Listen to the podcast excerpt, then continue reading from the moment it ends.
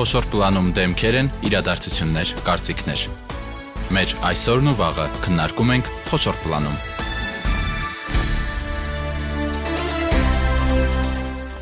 Բարի երեկո, դուք միացել եք Հանրային ռադիոյի երիտասարդական ալիքին։ Այսօր 5 շաբթի է, սա նշանակում է, որ խոշոր պլանում եւս մեկ արդիական թեմայի ենք անդրադառնալու։ Հայաստանում դեռ տարիներ առաջ սկսվել է համայնքների խոշորացման գործընթացը եւ այն հիմա էլ շարունակվում է, բայց ամենամեծ խոշորացումը կարծես թե այս փուլում է, որովհետեւ սեպտեմբերի վերջին ազգային ժողովում հաստատվեց, որ մենք ունենալու ենք 77 համայնք եւ Երևան քաղաքը։ Այսինքն մանր համայնքները խոշորացվելու են, իհարկե այս բարեփոխումը ունի եւ իր դրական եւ բացասական կողմերը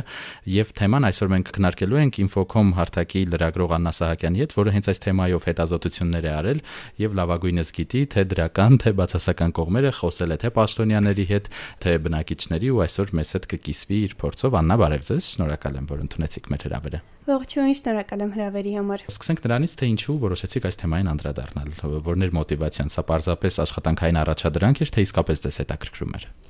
Անցած տարի դրամաշնորի էինք ուզում դիմել եւ նպատակն այն էր, որ բարեփոխումներ է պետք լուսաբանել, այսինքն վերցնել որևէ ոլորտի բարեփոխումներ, ուսումնասիրել հասկանալ այդ բարեփոխումներն ինչպես են ընթացել, ինչպես են ընթանում, ու մենք սկսեցինք խմբագրությունում Infocom-ի քննարկել թե ինչ թեմաների կարող ենք անդրադառնալ, ու հասկացանք, որ այդ շրջանում ընթացող ամենակարևոր բարեփոխումներից մեկը համենքների խոշորացումն է, որովհետեւ դա առնչվում է բնակիչներին, անմիջապես նրանց կյանքը փոխվում է, հա ինչ որ ձևով խոշոր խոշորացմամբ ու հասկացանք, որ պիտի վերցնենք այդ թեման։ Արդեն հենց ես էի լրագրողը, որը պետք է զբաղվեր այդ խնդրով, ու մենք արդեն սկսեցինք որոշել, թե ոնց ենք անում, ոնց ենք թեման ուսումնասիրում, ոնց ենք լուսաբանում, որտեղ ենք գնում, ինչ ենք անում, ու այդպես սկսվեց։ Եվ որտեղից սկսեցիք առաջին համայնքը կամ բնակավայրը, չգիտեմ, հիմա տարբեր են տերմինները, որ գնացիք ու ինչ տեսակ այնտեղ։ Ամենասկզբնական փուլում նախ ուսումնասիրեցինք թեման, հասկացանք, որովհետև մենք սկսել ենք դա անել 2020-ին, բայց 2016 թվականից էր սկսվել այդ բարեփոխումների գործընթացը,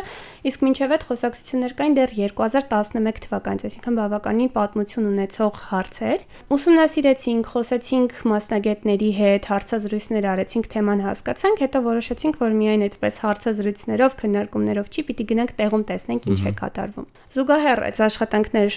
շարունակելով նաև գնացինք մարզեր, հիշում եմ համավարակ էր այդ ժամանակ, ուսամանափակումներ էին, բայց ամեն դեպքում կարողացանք գնալ։ Առաջինը գնացինք Տավուշի մարզ։ Տավուշի մարզ մարզում մի քանի խոսորացված համայնքներ կային, մենք գնացինք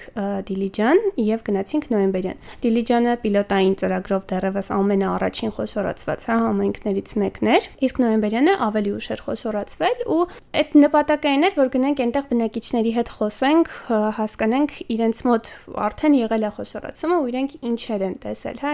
ինչպես է փոխվել իրենց կյանքը Այսպես միանշանակ չեմ կարող ասել, որ էր դեպի փոխվել լավ, բնակիչների հետ խոսելով այս տարբեր էին կարծիքները եւ լավ բաներ էին ասում եւ փոփոխություններ էին նշում եւ բացասական էին ասում նույնիսկ երբ որ խոսում էինք համայնքապետերի կամ համայնքապետարանի այլ պաշտոնյաների հետ ուղղակի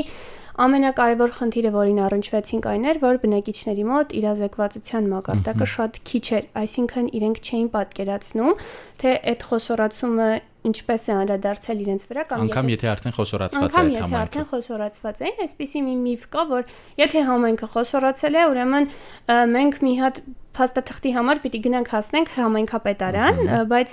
գոյություն ունի բնակավայրի վարչական ղեկավարի պաշտոն, որը նրա համար է, որ եթե խոսորացված համայնքում կա օրինակ 10 բնակավայր, յուրաքանչյուր բնակավայր սովորաբար ունենում է իր վարչական ղեկավարը ու պետք չի փոքր փաստաթղթի համար օրինակ գնալ հասնել համայնքապետարան ու շատ հարցեր գյուղապետը, որը ուղղակի այդպես չի կոչվում։ Սովորաբար դա լինում է նախկին գյուղապետը, այդ նախկին գյուղապետարանի շենքը կա, այդ շենքում կա վարչական ղեկավար, այսինքն այդքան էլ այնպես չէր, ինչպես բնակիչներն էին պատկերացնում, ու հավանաբար սա նրա պատճառով էր, որ ուղղակի իրենք իրազեկվածության պակաս ունեին։ Պետք էր երևի ավելի լավ իրազեկել ու ավելի լավ մարդկանց բացատրել, թե ինչ է ենթադրում խոշորացումը։ Աննա, տեսեք, տարածքային կառավարման եւ ենթակառուցվածքների նախարարությունը որպես գլխավոր գլխավոր հիմնավորում նշում է այն, որ սա բարձրացնում է համայնքների կառավարման արդյունավետությունը։ Ձեր եղած համայնքներում նկատելի էր դրա բարձրացումը։ Կոնկրետ կառավարման արդյունավետության թեմաներին որպես այդպեսին չեն անդրադարձել, այլ փորձել ենք հասկանալ այն ինչը որ այդ ձեր ասած նշում են SSS բաները պիտի փոխվեն, արդյոք դրանք եղել են, իրենք ինչու էին ասում, որ դա կբարձրանա, որովհետև ասում էին, որ օրինակ համայնքը փոքր է, ունի փոքր բյուջե, սուբվենցիոն ծրագրերի սովորաբար չի կարողանում դիմել, որովհետև համաֆինանսավորումը չէ, պիտի կառավարությունը ֆինանսավորի մի մասը, մի մասը պետք է համայնքը ֆինանսավորի Վարչական ապարատը շատ է, այսինքն փոքր գյուղ է, բայց կան աշխատատեղեր համայնքապետարանում։ Դրա համար իրենք ասում էին դեռ 2011-ից եկեք միացնենք վարչական ապարատը ինչ որ չափով կկրճատվի, գումարներ կխնայվեն։ Բացի դրանից բյուջեները երբ որ միանան, ընդհանուր բյուջեն ավելի մեծ կլինի, հա, եւ դրանից հետո սուբվենցիոն ծրագրերի կկարողանան դիմել ավելի շատ, դրանից հետո վարչական ապարատի խնայողությունները, կրճատումից առաջացած խնայողություններն էլ ելի կավելացնեն բյուջեն, որը կծախսվի կարիքների համար համայնքի։ Մենք այս երկուսի ուսումնասիրությունն էլ իրականացրինք 11 համայնք վերցրինք խոշորացված, բայց Զորի եւ Տավուշի խոշորացված համայնքները եւ փորձեցինք հասկանալ վարչական ապարատի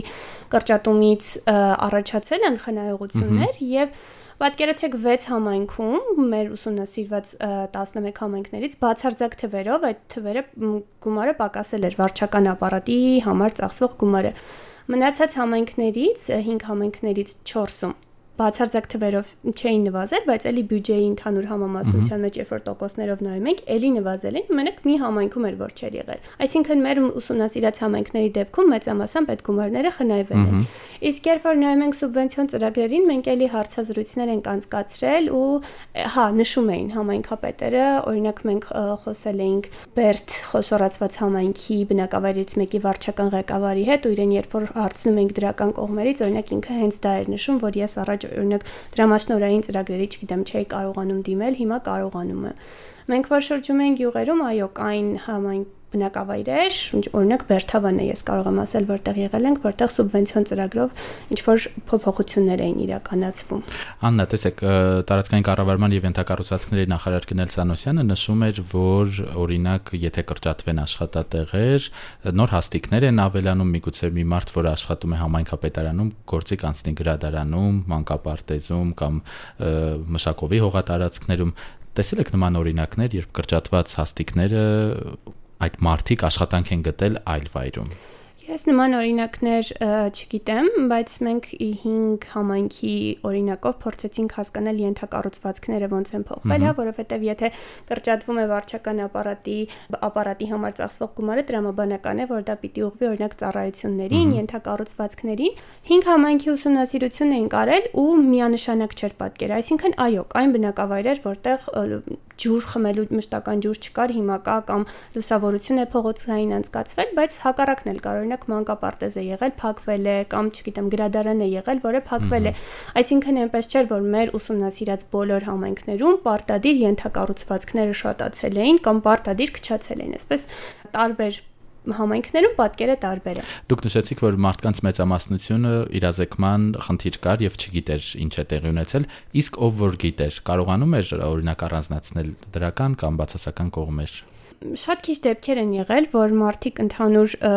այսպես գործընթացին տեղյակ են եղել եւ այդ դեպքում նույնիսկ բնակիչներից մեկի հետ երբ որ զրուցում ենք, հիշում եմ ինքը ասաց, թող ավելի լավ մեզ ներկայացնեն ոնց է ընթանում գործընթացը, այսինքն եթե մարդիկ տեղյակ էին գործընթացից, հասկանում էին ինչ է կատարվում, իրենք էլ էին ասում, որ ամեն դեպքում տեղեկացվածության պակաս կա բայց երբ որ մարդիկ տեսնում էին, որ ինչ որ փոփոխություն եղել է, իրենք ասում էին, որ հա, մեր գյուղում եղել է այսինչ փոփոխությունը, չգիտեմ, այսինչ բնակավայրում սա է կառուցվել, այնինչ բնակավայրում նա է կառուցվել, Այդպես ասում էին մարդիկ։ Կային նաև մարդիկ, որոնք ասում էին մեզ համար տարբերություն չկա, կխոսորացնեն, չեն խոսորացնի, կարևորը մեր խնդիրները լուծվեն։ Մի քանի բնակավայր եղել է գնացել ենք, դրանք խոսորացվող համենքների մասին էին, ոչ թե նրանք, որ արդեն խոսորացված են, այլ որոնք որ պիտի ապագայում խոսորացվեն։ Մի գյուղ մտանք, բոլորն ասում են, մենք գազի խնդիր ունենք, մեզ համար միևնույն է, խոսորանանք, թե կմնանք որպես առանձին համայնք։ Կարևորը խնդիրը լուծվի։ Կամ թլիկը, որը եզդիաբնակ սահմանամերձ համայնք է, այնտեղ տարիներով խմելու ջրի խնդիր կա։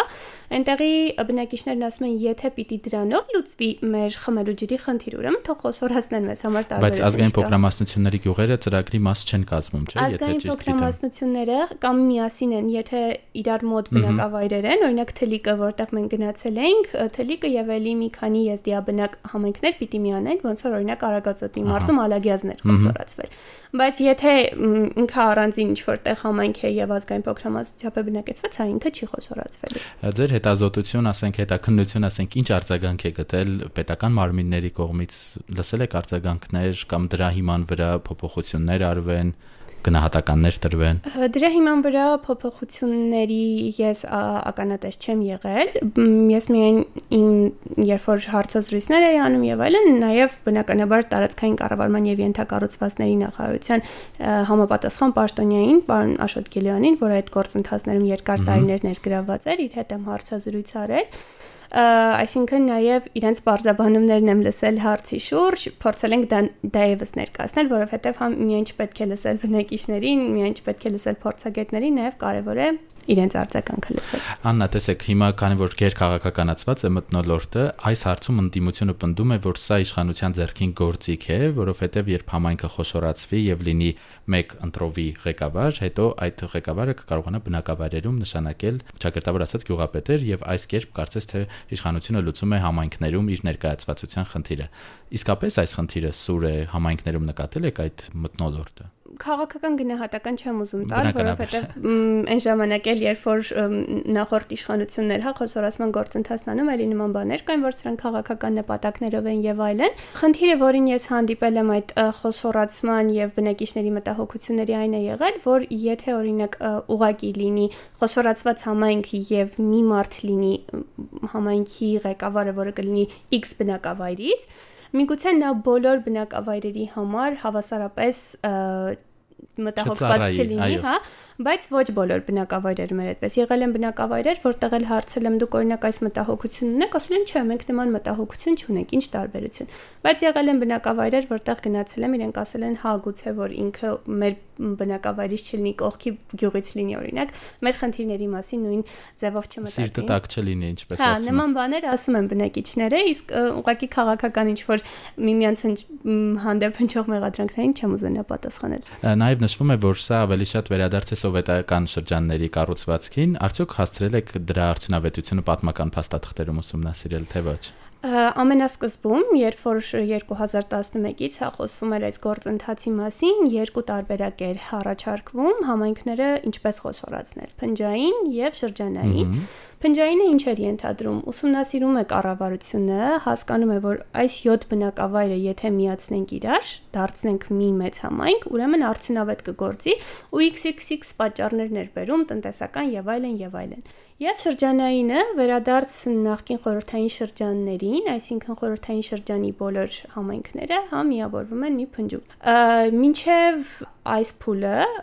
վերջին խոսորացումները, հա վերջին նախագծերը, որոնք ներկայացրեց կառավարությունը, երկու ձևով էլ իրականացում էր։ Օրինակ մենք ունեինք Կապանը Սիսյանը, որտեղ 38 կամ 32 նախկին համայնք կամ բնակավայրեր միավորված, կամ ունենք փոքր համայնք, օրինակ Կողբը, Կողբ եւ Զորական Տավուշի մարզում, ընդհանրապես երկու հա նախկին համայնք են միավորվել, դարձել համայնք։ Երկու ձևով էլ իրականացնում էին, բայց ներկայիս կառավարությունը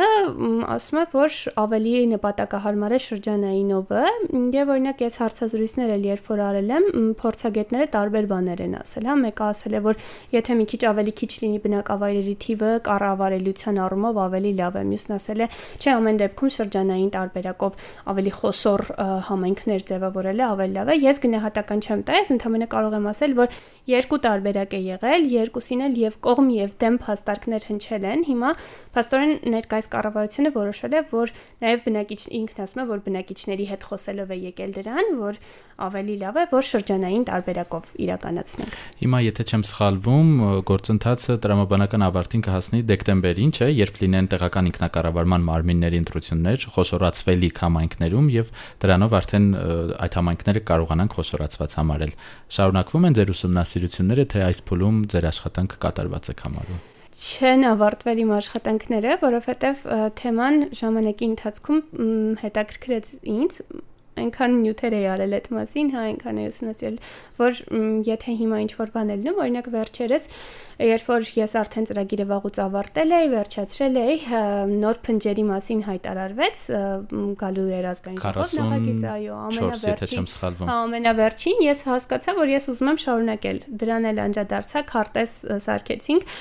որտեղ ցույց էր տրվում, թե համայնքի մեր քարտեզը համայնքների ինչպես է փոխվելու, հա, ինչ որ փնջերն են ձևավորվելու, կենտրոնը որտեղ է լինելու եւ այլն։ Այս պահին էլ էլի շարունակում եմ, որովհետեւ այնտեղ սահմանադրական դատարան է դիմել Հայաստան, խմբակցությունը, որովհետև մտածում է, որ սահմանադրականության խնդիր կա եւ այլն, հիմա այդ հարցերն եմ ուսումնասիրում, փորձում եմ հասկանալ այդ պատմությունը հանրակրվեների եւ այլն ոնց է եղել միջև հիմա ու ոնց է շարունակվելու։ Դրա համար խնդիրը դեռ մեր խմբագրության ու իմ ուշադրության կենտրոնում է, որովհետեւ կարևոր թեմա է։ Ինչեւ ավարտին կհասնի եւ գուցե նաեւ դրանից հետո։ Այս դեպքում մենք հանրակրվեով չենք գնում, չէ՞։ Պարզապես որոշում է կայացվում եւ ընտրություն է նշանակվում համայնքապետի։ Մինչեւ 2015 թվականը հանրակրվեն պարտադիր էր, սահմանադրությունն ասում էր, որ վարչատարածքային փոփոխություններից առաջ կառավարությունը պիտի հանրակվե նշանակի։ Թեկուզ տեղական մակարդակում, թե։ Հենց տեղական հանրակվեների մասին է խոսքը, այն բնակավայրերը կամ համայնքները, որոնք պիտի խոշորացվեն, այդտեղ պարտադիր պիտի անցկացվեին տեղական հանրակվեներ։ 2015-ի սահմանադրական փոփոխություններով այդ դրույթը հանվեց սահմանադրությունից, բայց 2019-ին Իմքայլի երկու падգամավորներ, Վարազդատ Կարապետյանը եւ չեմ հիշում յուսի անունը, իրենք նախաձեռնեցին տեղական հանրակվեի մասին օրենքում փոփոխություններ որով այսպիսի մի դրույթ մցվեց, որ եթե բնակիչների որևէ տոկոս հավաքվի, ստորագրությունները հավաքվեն ու իրենք որոշեն, որ իրենց համայնքում վարչատարածքային փոփոխություններից առաջ պիտի հանրակրվե լինի, իրենք ներկայացնում են համայնքապետին Հա, եթե համայնքի բյուջեում կան միջոցներ, համայնքը իր հա, միջոցներով, ոչ թե կառավարության բյուջեից, այլ համայնքային միջոցներով իրականացնում է եւ հիմա այստեղ խնդիր են տեսնում Հայաստան դաշնքերիմելը, այո, համանդրական դատարան, որ ամեն դեպքում պետք է լսել, հա, ոչ թե լինի ըստ ցանկության, այլ պարտադիր անցկացվեն հարակվեները, բայց այն ժամանակ էլ դրանք ունեցել են խորհրդատվական բնույթ, այսինքն ոչ թե պարտադիր ուժ են ունեցել, որ եթե ոչ ասեն բնակիչները, այլ կարծիք լսելու միջոց է դա եղել եւ հիմա էլ է կարծիք ցելու միջոց։ Եվ Աննա նշեցիք, որ քարտեզ եք ի վերջո պատկերել ձեր աշխատանքի ավարտին, իհարկե դժվար է մանրամասն հիմա ներկայացնել, բայց կարող եք ընդհանուր տվյալներ, օրինակ որ մարզում ամենաշատ խոշորացված համայնքները կլինեն։ Տիրապետում եք նման տեղեկությունների։ Այս պահին այդպես չեմ հիշի, միայն կարող եմ ասել, որ երբ որ ընդհանուր պատկերին նայում ենք, Տավուշի մարզում արդեն համարյա գործընթացն ավարտվել էր, նաև Սյունիքի մարզում, բայց եղել են դեպքեր, երբ որ արդեն խոշորացված համայնքները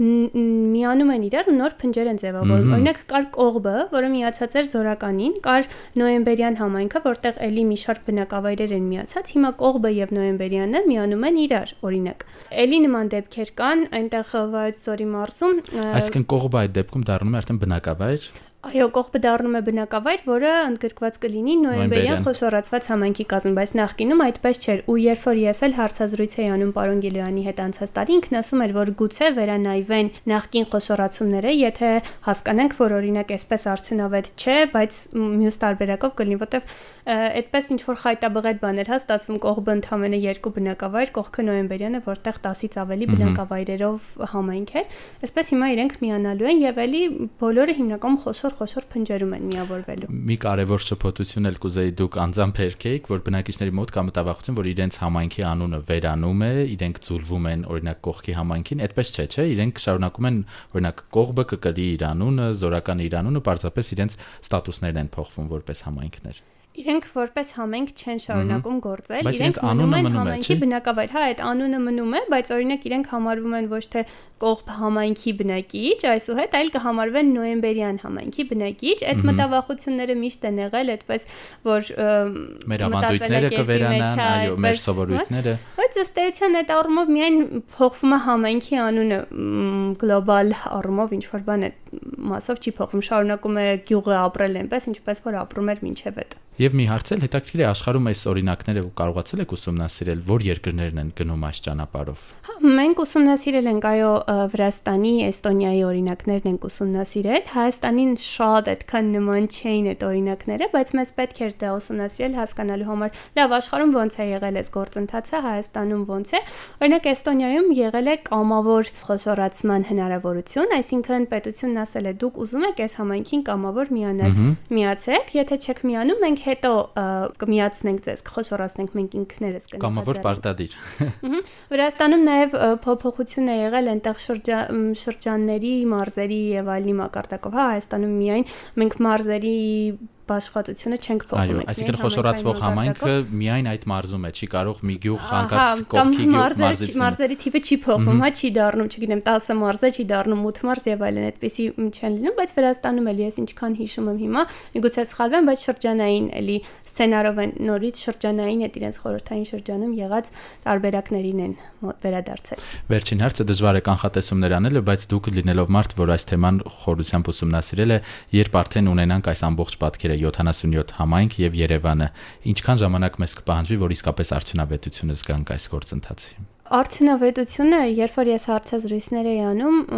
մասնագետները ոլորտի, անգամ դժվարանում էին գնահատական տալ այն համայնքների մասով, որոնք դեռևս 2016-ին էին խոսորացվել, այսինքն ենթադրում եմ, որ բյուջեի արդեն կար հա, օրինակ։ Բյուջեի փոփոխությունները հա մենք կարող ենք ուսումնասիրել 4-5 տարվա կտրվածքով, բայց այդպես գլոբալ ինչ որ բան փոխվում է թե չէ, դրա համար մի քանի տարի պիտի սպասենք, մինչև հասկանանք, թե բյուջեն ոնց է փոխվում, այնտեղ ենթակառուցվածքները ավելանում են, չգիտեմ, մանկապարտեզ բացվում է, ճանապարհները վերանորոգվում են, լուսավորություն անցկացվում է, թե չէ, այսինքն հենց մի անգամից խոշորացվեց չեն լինելու։ Դրա համար էի ասում, քանի տարուց հա, կզգանք։ Դեռ մի երևի 5-6 կդժվարանամ իրականում ասել, դերս մասնագետ չեմ, բայց երևի պետք է սпасել դա։ Շատ բարի, շնորհակալ ենք Աննա, նախ ձեր ուսումնասիրության համար եւ նաեւ որ պատրաստ եք դրանցով կիսվել մեր ռադիոլսողների հետ։ Հուսանք երբ արդեն վերջնական խոշորացումը կլինի, կրկին առիթներ կունենանք վերլուծելու եւ քննարկելու այս թեման։ Ես էլ մի անգամ եւս շնորհակալ եմ հրավերին հրավերի համար։ Ես ռադիոլսողներին հիշեցնեմ, որ այսօր համայնքների խոշորացման գործընթացից էինք խոսում։ Ստուդիայում էր Infocom հարթակի լրագրող Աննա Սահակյանը, նրա հետ զրուցեց Սևակ Հակոբյանը։